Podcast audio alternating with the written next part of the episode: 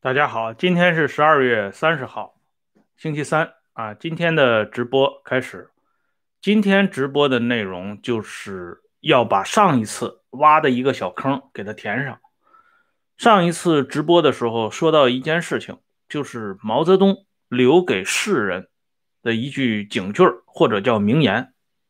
其实通过这个警句和名言，既可以看到当时。在六十年代中期，就是即将爆发文化大革命的前夕，毛的这些心路和运行的轨迹，同时也可以看到一个原因，就是毛之所以能够力压群雄，嗯，把林彪啊、刘少奇啊、邓小平、陈云这些大人物坐在屁股底下的重要的原因。同时呢，也是他生前和身后为什么受到相当多的人的膜拜的根本原因。毛谈这番话的时间是一九六五年八月十一号，这一天呢，毛泽东说过这样一段话，他说呀，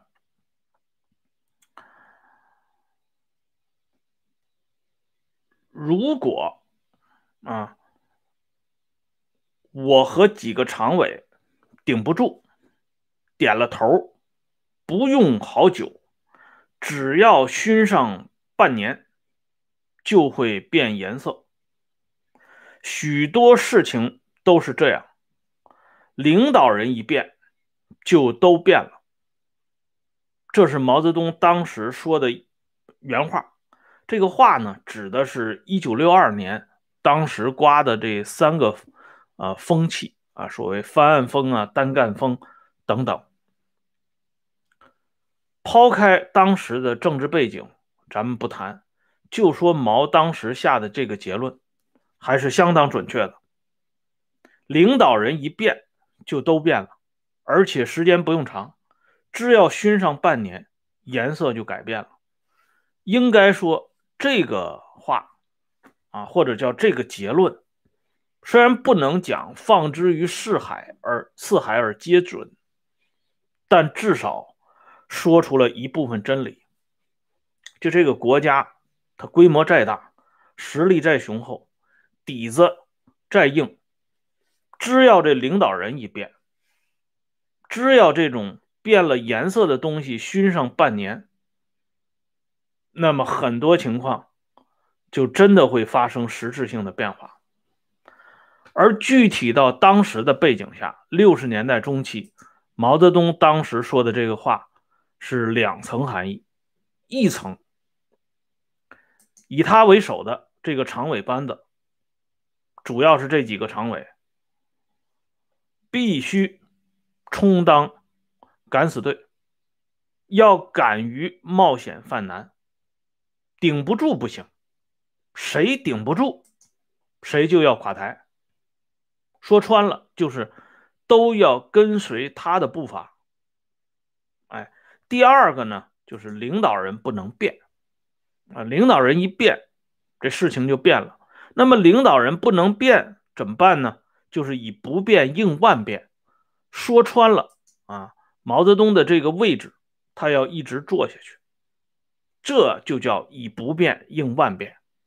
原来说好的，啊，到了六十年代中期，就逐渐交班给刘少奇，包括后来在党章上把林彪写进去，这些话实际上都成了过眼烟云了，一概都不算数了。只要重温一下一九六五年八月十一号毛泽东说的这番话，就会知道他后边的举动。都是按照这一番言论进行铺设的。那么接下来我们再看啊，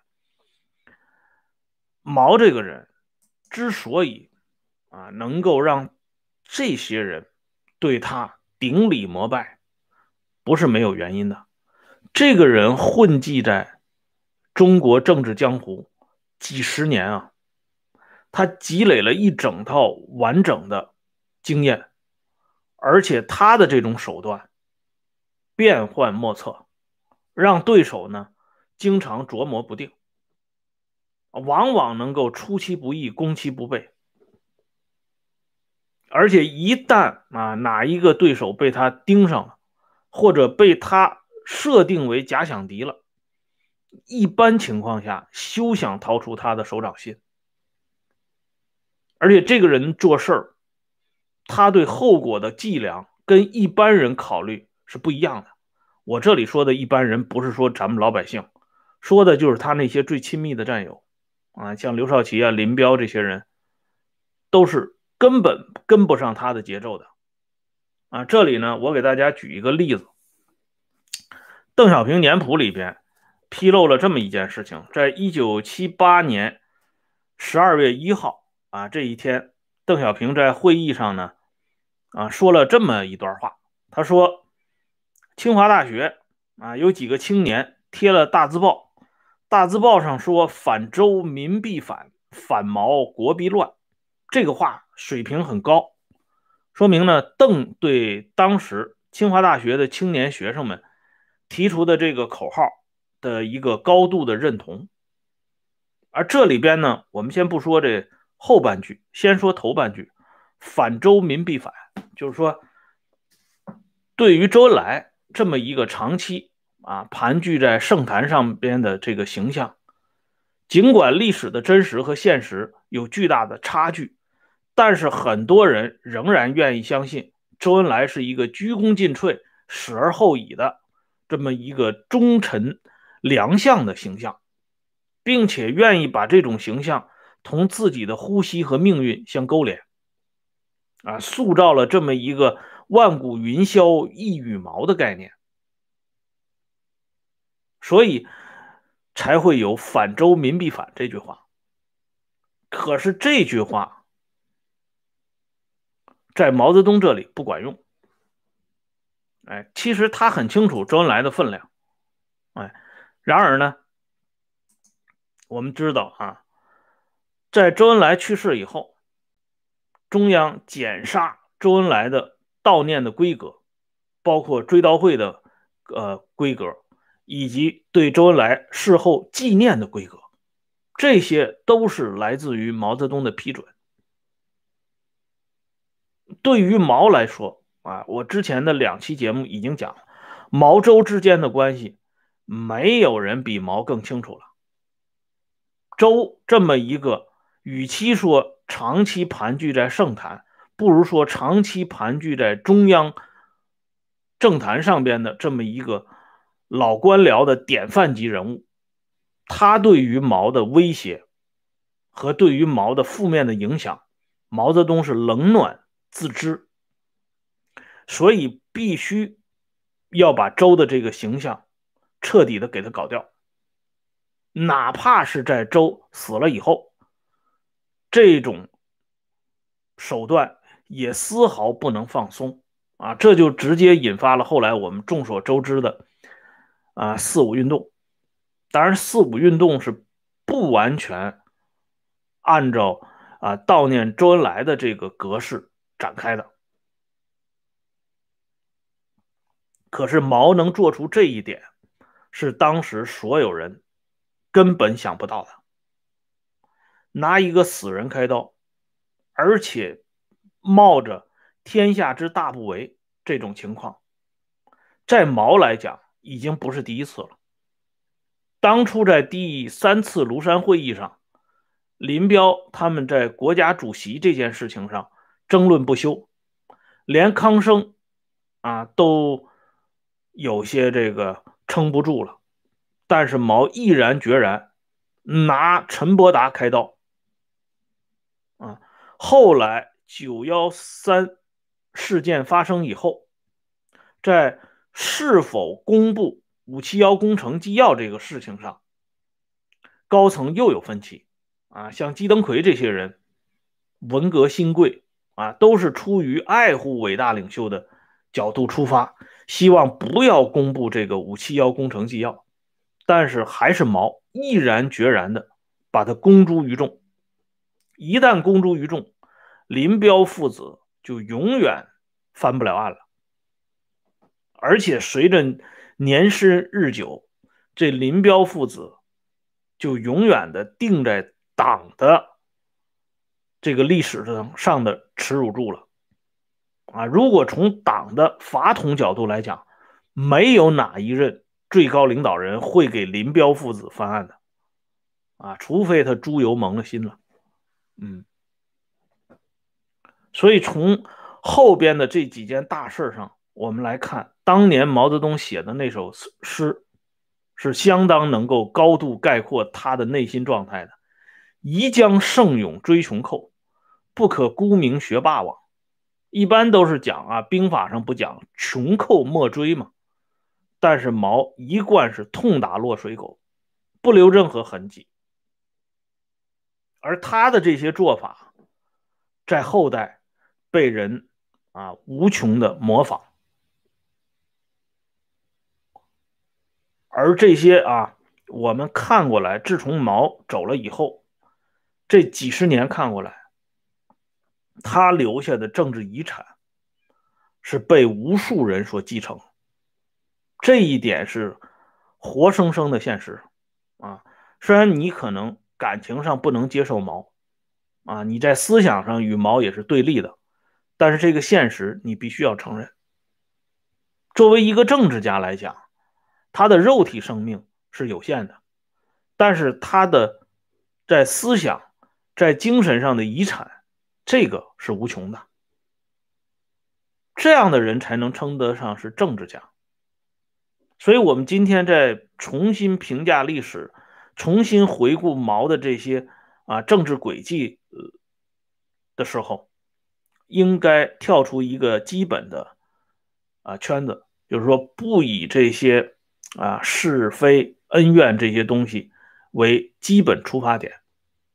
如果站在一个更高的角度上来看，毛的政治遗产不仅留下了，而且得到了传承，而且得到了极大的发挥，这才是既可怕又可悲的地方啊！这也就是这个悲剧呢。会不停的上演，甚至是循环往复的上演的根本原因。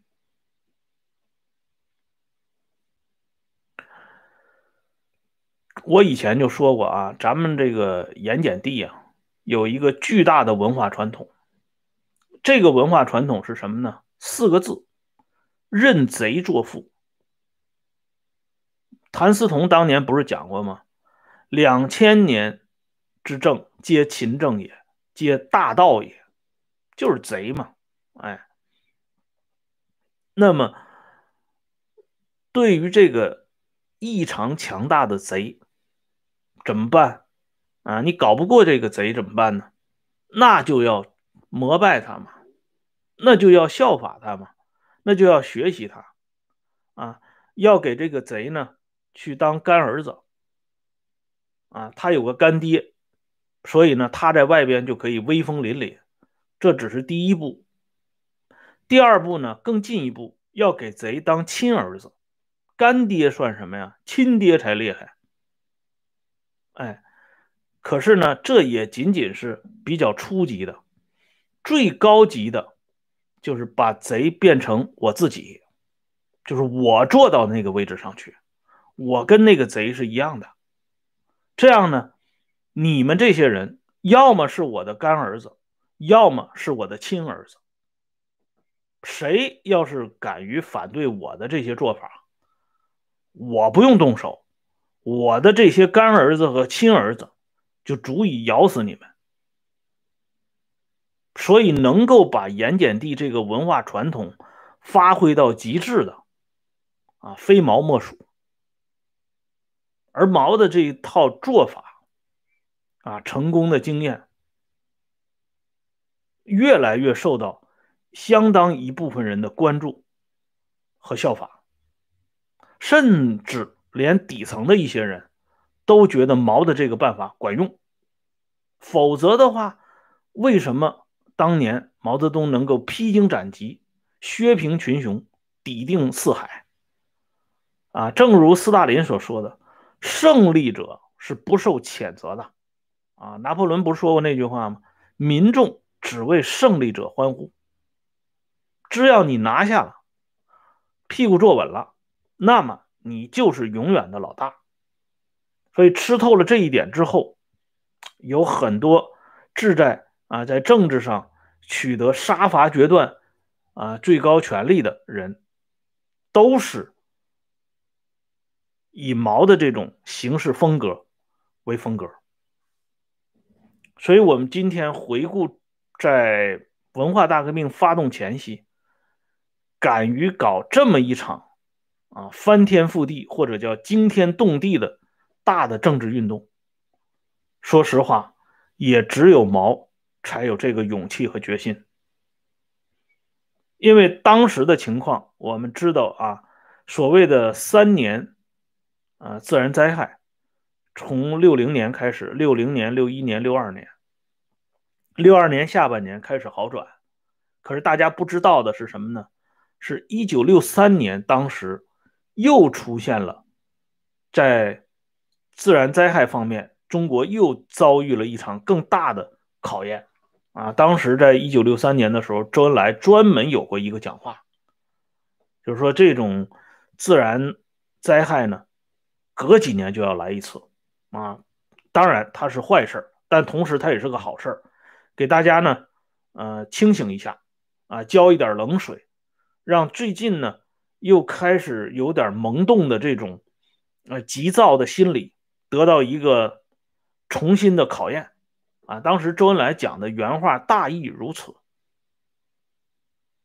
这就是为什么啊文化大革命会推迟到一九六五年年底才开始发动的原因，否则会提前。哎，就是说大家实际上还在没有完全吃饱肚子的情况下。这种最大规模的政治运动，居然就能够纷至沓来，这种事情啊，不要说别人去做，你想你都不敢想。但是毛呢，他就敢于打破一切坛坛罐罐，啊，打破一切底线，就是要搞这么一场斗争。而且，正如毛自己说的那句话：“人啊。”他在六五年八月十一号，他还有这句话吗？他就说：“这个人长着头皮干什么？人长了头皮，就是要硬着头皮顶住。”这个话说的就更到位了。